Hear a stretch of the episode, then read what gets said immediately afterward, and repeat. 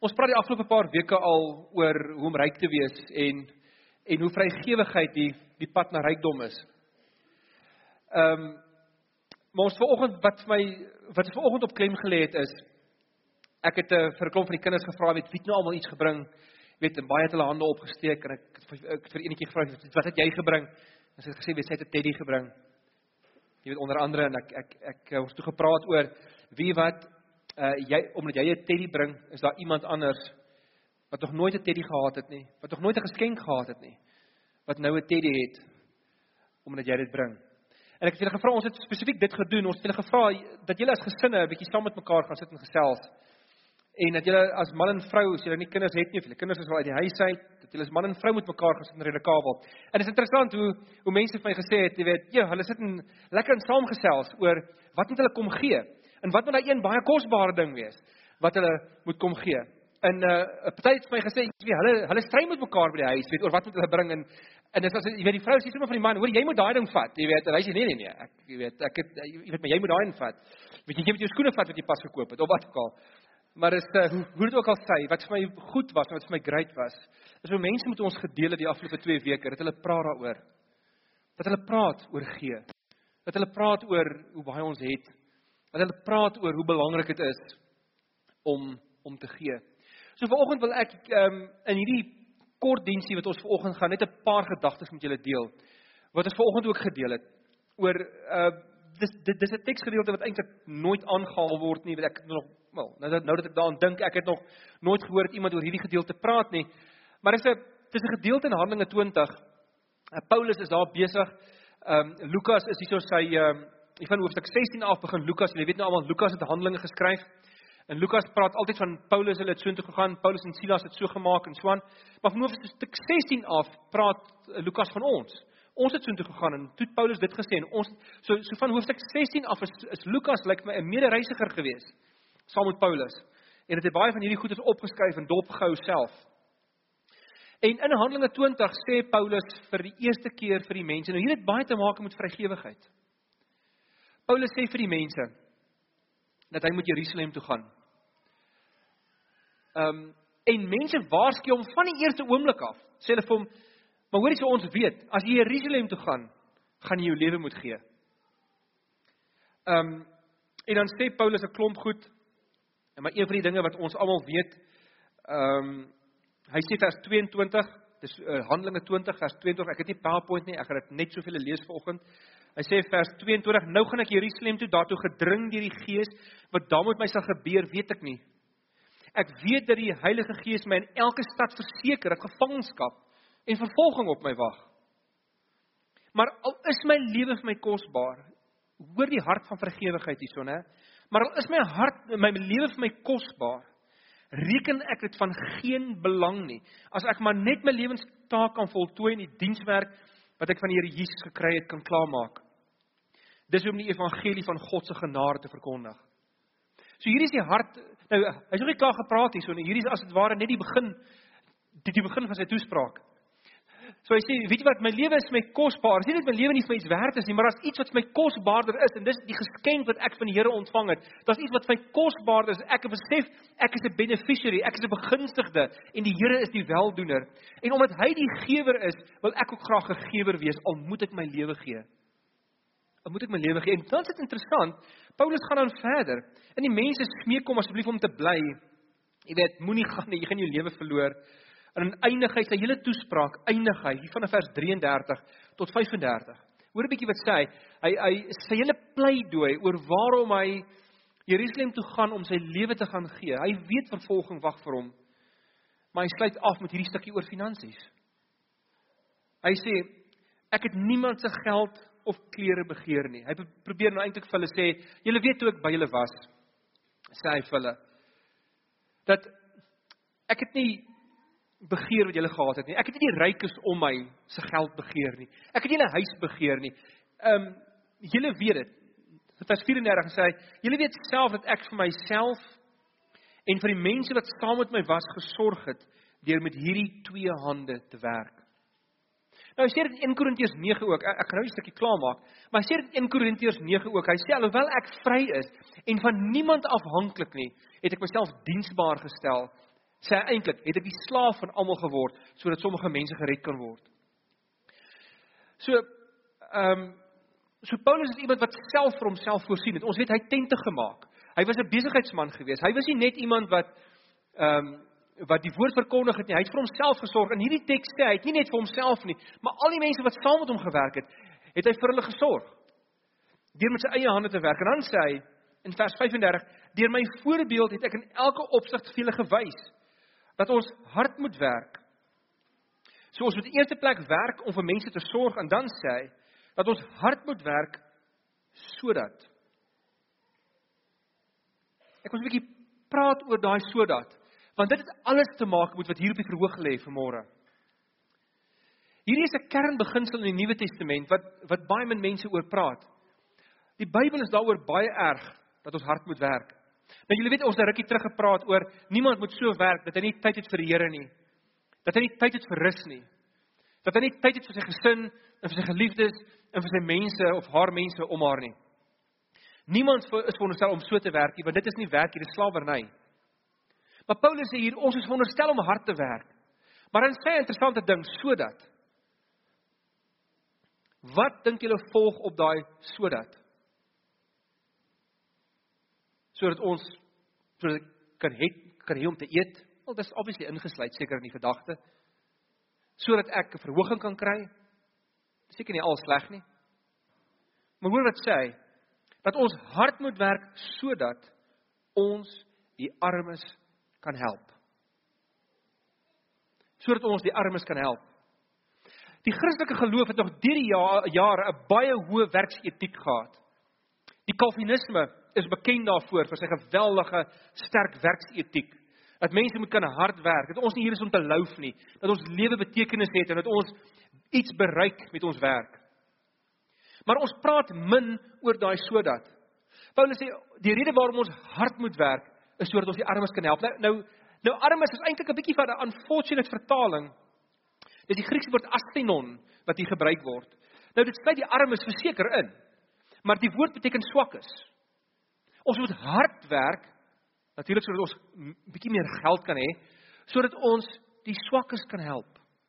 En die swakkes in Lukas en die Lukas Evangelie en in die boek Handelinge, is swakkes altyd drie groepe. Dis gewoonlik die siekes. Dit is inderdaad ook die armes en dis ook die mense wat jonk is in hulle geloof. Paulus gebruik in Romeine 15 vers 1 gebruik hy dieselfde woord asthenon om te verwys na mense wat nog jonk is in die geloof of selfs mense wat nog wat God nog nie ken nie. So met ander woorde Paulus stel met hierdie paar woorde stel hy die ons ganse werketiek stel hy in diens van die werk van God. Dat ons moet hard werk sodat ons 'n verhoging kan kry. Nee, as jy een kry is dit goed. Maar dis nie waarom jy veronderstel is om hard te werk nie. As ons hard werk sodat ons net ons paemente kan be betaal, dink ek nie sal Paulus baie happy gewees het daarmee nie. Die rede waarom jy moet hard werk is sodat jy kan gee. Dis die rede sodat jy kan gee dat mense wat jonk is in die geloof, swak is in die geloof, as dalk selfs verlore is, sodat hulle God kan vind. Jy moet jou geld op, op 'n manier gebruik. Jy moet iets doen daarmee sodat mense wat siek is, gehelp kan word, sodat hulle gesond kan word. Jy moet hard werk sodat mense wat nie het nie kan hê. Om die hy sê in 2 Korintiërs 8 en 9 sê Paulus in sy eie woorde dat ons die ekonomiese ekwilibrium moet herstel met ons werk. En dit gee dit beteken, dis wonderlike nuus aan die een kant. Met ander woorde, dit beteken dat ons werk is nie maar net 'n sekulêre ding wat ons aan een kant doen nie. Ons werk is diep geestelik. Ons werk in die eerste plek om die Here te verheerlik en van en om vir die wêreld te sorg, om die wêreld te dien. En ek moet julle sê ons gemeente is elke keer so oorweldig deur julle reaksie dat julle so 'n vergewige hand het. En dat julle dat jy alles gee. En dat jy elke keer goeders bring. Mense het vanoggend na die eerste diens by gevra, "En ons het 'n wrintie vergeet om ons goed te bring. Kan ons dit nou nog hierdie week bring?" Ja, julle is welkom. Julle kan dit ook steeds bring. Maar Maar dit sal goed wees as 'n mens as jy môre by jou werk sit. en dat jy vir jouself sê, "Ehm um, ek werk sodat ek mense kan help Ja natuurlik, soos Paulus in die eerste gedeelte sê jy werk om vir jouself te sorg, om vir die mense by jou te sorg. Maar hoekom werk ek hard? Hoekom sit ek ekstra uur in? sodat ek het om vir die swakkes te gee. Sodat ek het om vir mense te gee wat ek kan gebruik. Nou hierdie gee is natuurlik in baie opsigte, jy kan dit self vir mense gee, jy kan dit uitdeel in Handelinge vroeg in Handelinge egter ook sien jy dat die mense die geld vir Paulus hulle bring, vir die kerk bring, dat hulle dit uitdeel, hulle dit gebruik, dis waarom ons dankoffers gee natuurlik. Maar hierdie is 'n ongelooflike ding dat ons moet werk vir die swakkes. In Paulus gee nie hy sê nie hier ehm um, Hy sê net wat moet gebeur met die geld. Hy hy maak nie 'n ding van ja, jy weet wat daar's baie swakkes wat dit weet wat dit nie verdien nie en hulle moet ook leer om hard te werk en hulle moet hulle geleenthede gebruik en weet hy hy praat wel daaroor in 2 uh, 2 Tessalonisense 2 en 3. Noem dit wel. Hy sê net weet jy dis nie die punt nie. Dit gaan oor my en jou. As ek en jy 'n Here dien wat wie se identiteit gevorm is deur die kruisiging en die opstanding, dan is ons lewens wat dan is ons mense wat begunstigdes is elke dag van God se goedheid. God is die groot weldoener en ons is die ontvangers. En daarom wil ons soos hy wees en daarom word dit ons nuwe identiteit. Daarom word ons gewers. Al ons lewens, alles wat ons doen, doen ons nou sodat ons die swakkes kan help, sodat ons armes kan help, verlore mense kan help om God te vind. En dan gee hy nog 'n motivering. Nou, ehm um, hierdie motivering is interessant. Hy sê onthou die woorde, hy sluit hierdie stukkie af, dis die laaste stukkie van die versie wat ek hier gaan lees. Onthou die woorde van ons Here Jesus, sê hy. Hy, dis Jesus het gesê om te gee maak 'n mens gelukkiger as om te ontvang. Om te gee maak mens gelukkiger as om te ontvang. Ek het vanoggend vir die kinders gevra. Wie, wie vir wie van julle was dit lekker? Wie van julle ehm um, wou nie eintlik die goed gee wat julle wou gee nie? Klop handjies het opgegaan en ek sê, maar vir wie van julle was dit toe op die ouend lekker om te gee? Almal se hande gaan op. Want dit is so. Dit is beter om te gee as om te ontvang. Maar hoekom sê Paulus dit? Ho hoekom hoekom sê dit natuurlik hierdie woorde van Jesus om te gee maak 'n mens gelukkiger om te ontvang, kom nie die evangelies voor nie. So dis nie iets wat ons uit die evangelies raak lees nie, maar dit beteken nie Jesus het dit nie gesê nie. Die Jesus tradisie en daai daar baie wyd geloop. So daar's baie dinge wat rondgeloop het um, wat Jesus gesê het. Trouwens Johannes sê daar's baie wonderwerke wat Jesus gedoen het wat nie in die evangelie van Johannes opgeteken is nie. Jy weet, uh, maar hy het dit gedoen. So daar's baie woorde wat hy ook gesê het waarskynlik wat nie vir ons opgeteken is nie. Maar Jesus sê hy om te gee maak 'n mens gelukkiger as om te ontvang. Nou dit klink ehm um, kom ons gaan so 'n bietjie daarin. Wat is die algemene boodskap van die Bybel? Hoekom is dit dat dit beter is om te gee as om te ontvang? Want dit is tog lekker om te ontvang ook. Dis tog lekker om goeie bymekaar te maak. Dis tog lekker te lekker om die vrug op jou arbeid te kan sien. Hoekom is dit beter om te gee? Daar is baie redes voor. Maar Paulus eh, liewer die Nuwe Testament in die algemeen sê vir ons hierdie een belangrike ding. Dat wanneer ons als vir onsself hou of vir selfsugtige redes gee, wanneer ons dit doen, dan bou ons 'n gevangenis ons bou gevangenes vir onsself. Nou dis interessant ook ek dink ek het die eerste week vir julle gesê Niels het laasweek net vir ons verder gevat. Ek het die eerste week ook gesê dis interessant as as Jesus en Paulus dat mense probeer appel maak vir hulle sê om te gee, dan gebruik hy nooit dankbaarheid nie. Ons is altyd geneig om te sê ons moet gee uit dankbaarheid. Natuurlik, ons moet gee uit dankbaarheid, maar dis nie die motivering wat Jesus of Paulus ooit gebruik nie, nie een keer nie. Jesus sê jy moet gee sodat jy kan ontvang. Dit is Jesus se motief. Dit waarom ons hierdie reeks gedoen het hoe om ryk te wees. As jy wil ryk wees, moet jy vrygewig wees. Want die Here gee vir jou jy wanneer jy gee dan dan dan is daar geestelike beginsels, geestelike kragte wat jy aan die gang sit. En ek praat nie hier van 'n van 'n kausale prosperity gospel nie. Ek praat nie van weet gee of jou sal gegee word. Jy weet verkoop jy kar en jy sal môre 'n Mercedes kry of 'n of 'n Ferrari kry nie. Dis nie waarvan ons praat nie. Paulus probeer sê dat deur vrygewig te wees, sit jy gee aktiveer jy geestelike kragte.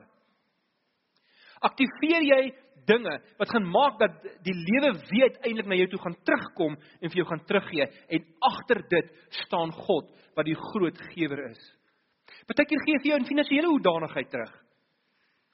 Maar nie noodwendig nie, partykeer glad nie. Miskien sal hy vir jou teruggee op 'n ander manier. Maar dis die rede vir vrygewigheid is nie o, omdat ons so dankbaar. Ja, ons is natuurlik dankbaar en jy moet ook uit dankbaarheid gee, maar die motief is wil jy ryk wees. Leer om te gee. Wil jou bitterheid bekamp hier binne? Jou suurheid oor die EFF en oor Suid-Afrika en oor die politici wat alles opmors. Wil jy jou bitterheid mee deel? Leer 'n vrygewige hart aan. Leer hoe om te gee. Doen afstand van sommige besittings.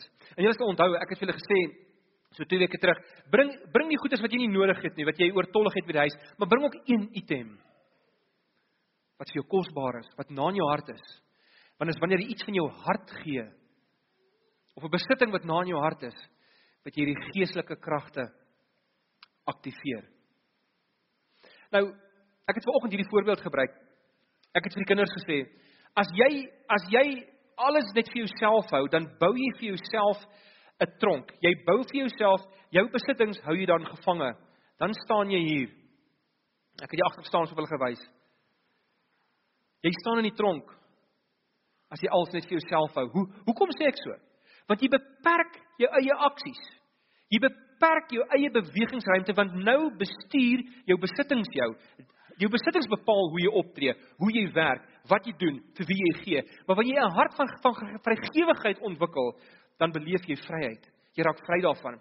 Ons het twee weke terug mekaar gesê en laasweek het Niels daaroor gepraat dat die hart van dit wat ons gevange hou, die primêre ding in die Nuwe Testament wat die Bybel vir ons sê wat ons gevange hou, is ons besittings in ons geld.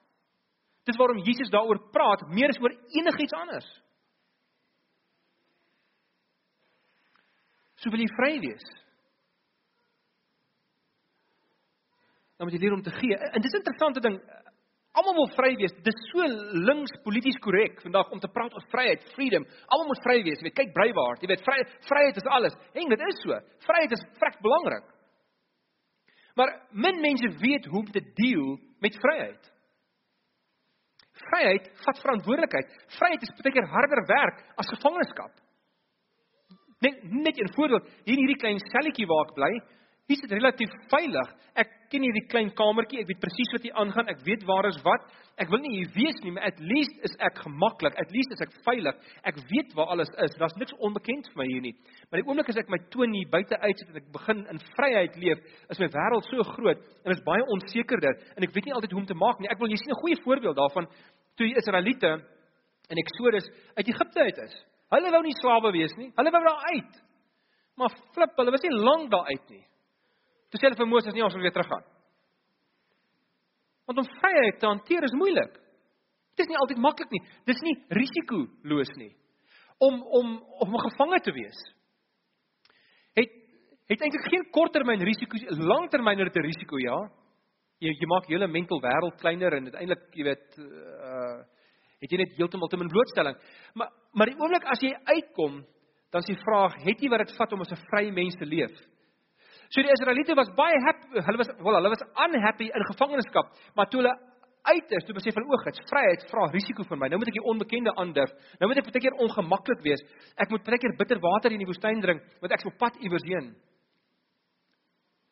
Vryheid om vryheid in stand te hou. Vra iets van jou. Vra kreatiwiteit, vra intelligensie. Ek onthou toe ek destyds in 'n spesifieke gemeente waar ek was in 2001, Januarie 2001, dit was 'n entjie gemeente. En alhoewel ek glad nie verskil het met noodwendig met die groot met die breë stroom van die teologie van die NG Kerk nie, het ek op daai stadium bedank uit die NG Kerk uit. Bedank uit die gemeente uit. En die rede was dood eenvoudig omdat ek soos 'n gevangene gevoel het. En iemand het my nog daardeur gehelp om myself goed te verstaan. Vir my sê, "Wie Rolf, jy is jy's iemand wat kies vir vryheid bo veiligheid." Party mense kies veiligheid hulle hele lewe lank en dis dit is ook fyn. Maar toe kom ek agter, ehm um, dat toe ek in daai in daai spesifieke gemeente was, toe het ek gevoel hoe hoe die stelsel, die struktuur, die manier van doen in daai gemeente hoe dit stadig my gees doodmaak. Nie net wendig vir daai mense nie, maar vir my was nie noodwendig bad mense nie. Maar toe het ek uitgeklim want ek wou vry wees. En nie net vryheid vir myself nie, maar ek wou dit ek wou iets doen met my vryheid. Ek wou graag mense help. Ek het twee gemeentes geplant vir mense wat glad nie kerk toe gaan nie. Maar toe kom ek agter, okay, so ek is nou vry van al hierdie goed. Maar heng, ek worry nou so 'n bietjie meer oor my finansies.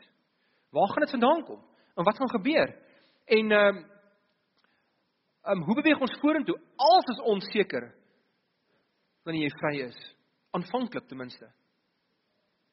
Maar as jy wil vry wees, moet jy daai risiko neem. Jy moet baie meer van jouself gee wanneer jy vry is om vry te bly. Jy kan teruggaan na die Egipte toe. En as jy nou in bondage, maar at least weet jy wat aangaan. Jy het geleer hoe om met hierdie wêreldjie te deel. Ek weet waar alles is in hierdie tronkstelletjie van my. Ek ek alles bekend. Ek ek ek hoef nie ek hoef nie te worry nie. Immers gee hulle nou vir my kos. Ek hoef nie oor my eie goed te worry nie. Maar Paulus sê hierdie ding. Hy sê dis beter om te gee as om te ontvang en die rede waarom hy dit sê is vryheid. Dit bring vir jou vryheid. As jy jou hart kan losmaak van dit wat hom vashou, dan is jy vry. Ek het eendag met 'n persoon is nou al na na 'n nuwe gemeente begin het, sit ek eendag daar by Mug and Bean uh, op die Wesrand met iemand in kuier. Dis 'n is 'n geweldige geweldige ryk persoon hierdie hy op daai hy was sommer baie openlik met my gewees, ons het mekaar baie goed geken. Maar hy het 'n inkomste gehad van daai stand van omtrent 300 000 'n maand. Dis dis nou omtrent dis dis nou 10 jaar terug, weet, toe was dit nog baie geld geweest. Eh, jy party van hulle sit en dink ons nou steeds baie geld. Ja, dit is seker so. En hy sê vir my Rolf, hy sê ek het 'n probleem. Ek sê vir jou ek erken dit en ek weet nie wat wat dit maak daarmee nie. Maar hy sê ek ek sê vir jou ek ek het agtergekom, ek is materialisties. Wat moet ek doen? Ek sê, "Wel. Daar's net een manier hoe jy nie meer materialisties kan wees nie. En dit is gee materiële dinge weg." Hy sê, "Rolf, ek is lief vir geld." Ek sê, "Wel, gee baie weg." Dis al hoe jy jou hart kan losmaak van jou besittings is deur om dit weg te gee. En daarom praat ons hierdie paar weke daaroor en julle weet ons het hulle gesê ons gaan nie vir hulle geld vra nie. Dit dit dis nie die doel van die reeks nie. Die reeks is om te die reeks die doel van die reeks is om te praat oor die hart van die Here agter hierdie idee van finansies. En dis Martin Luther wat gesê het, "Wie jy ou kan tot bekering kom, hy kan tot geloof kom, maar o blik, hy sê sy beursie kom heel laaste tot bekering." Vat lank vir sy wallet om saam te speel. En dis waarom Jesus sê, as jy dit aanleer, as jy dit reg kry, dan is jy 'n vry mens. Jy voel sommer beter. Mense wat jy aanvanklik beskou het as jou vyande word vriende. Jou hart begin anderster klop. Jy begin mense anderster sien. Jy begin inskikkelik raak en tegemoetkomend raak teenoor mense. Dit doen baie meer as net jy het nou minder besittings. Dit doen iets aan jou wanneer jy gee. En dis waarom blymoedige mense, Paulus praat in 2 Korintiërs 8 en 9 weer eens praat praat hy van dat daar dat God die blymoedige gewer liefhet. Want jy kan nie 'n vrygewige persoon wees sommer. Jy kry uitsonderings, maar jy kan nie sommer 'n vrygewige mens wees en nog steeds 'n ou bitterbek wees nie.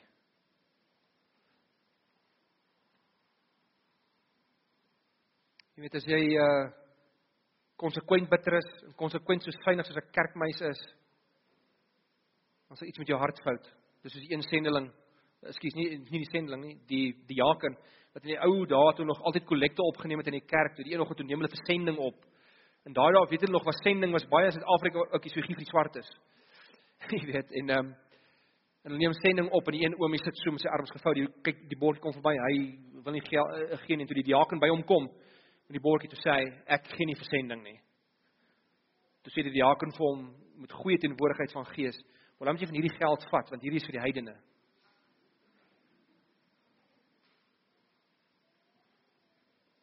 Christen gee. En jy weet wat ek bedoel. Dit gaan nie oor die oor net die geld wat jy gee of die besittings wat jy gee dit gaan oor uit 'n hart wat verander is deur die Here. 'n Hart wat saamgeneem is meegesleer is deur die Here. Selfs Jesus, Jesus het vir ons die die grootste voorbeeld gestel. Dat hy uiteindelik sy eie vryheid homself eintlik, dat hy homself gegee het. En die feit dat hy homself gegee het, het gelei tot sy eie opstanding. Het gelei tot die vreugde en die joy en die wonderwerk van opstanding. En ek wonder hoe moet die Here voel as hy vandag na ons kyk en hy sien hier is vrygekoopte mense, hier sit hulle. Hulle is vry. Omdat ek myself gegee het. Ek dink die Here smile vandag. Ek dink hy smile as hy hierdie sien. Hier's allerlei goed 'n soort goeders hierso, ketels en koppies en wet wipes en skale en klein motorfietsies en handsakke en leerbaadjies en kussings en skoene en allerlei goed. Ek dink die Here glimlag as hy dit sien. Want hy weet sy eie vrygewigheid het pos gevat in die harte van sy eie mense. En niks gee die Here meer vreugde as dit nie. So met hierdie paar woorde wil ons en ons leraarspan en ons as leierskap wil vir julle sê dankie dat julle altyd so lekker reageer. Julle doen dit nie vir ons nie, ons weet dit. Net soos wat ons nie alles alles vir julle doen nie. Ons doen dit ons doen dit almal vir die Here, maar in dat ons dit vir hom doen, doen ons dit vir mekaar ook. Dis lekker om deel te wees van 'n community wie se geestelike oë oop is en wie se geeste wakker is.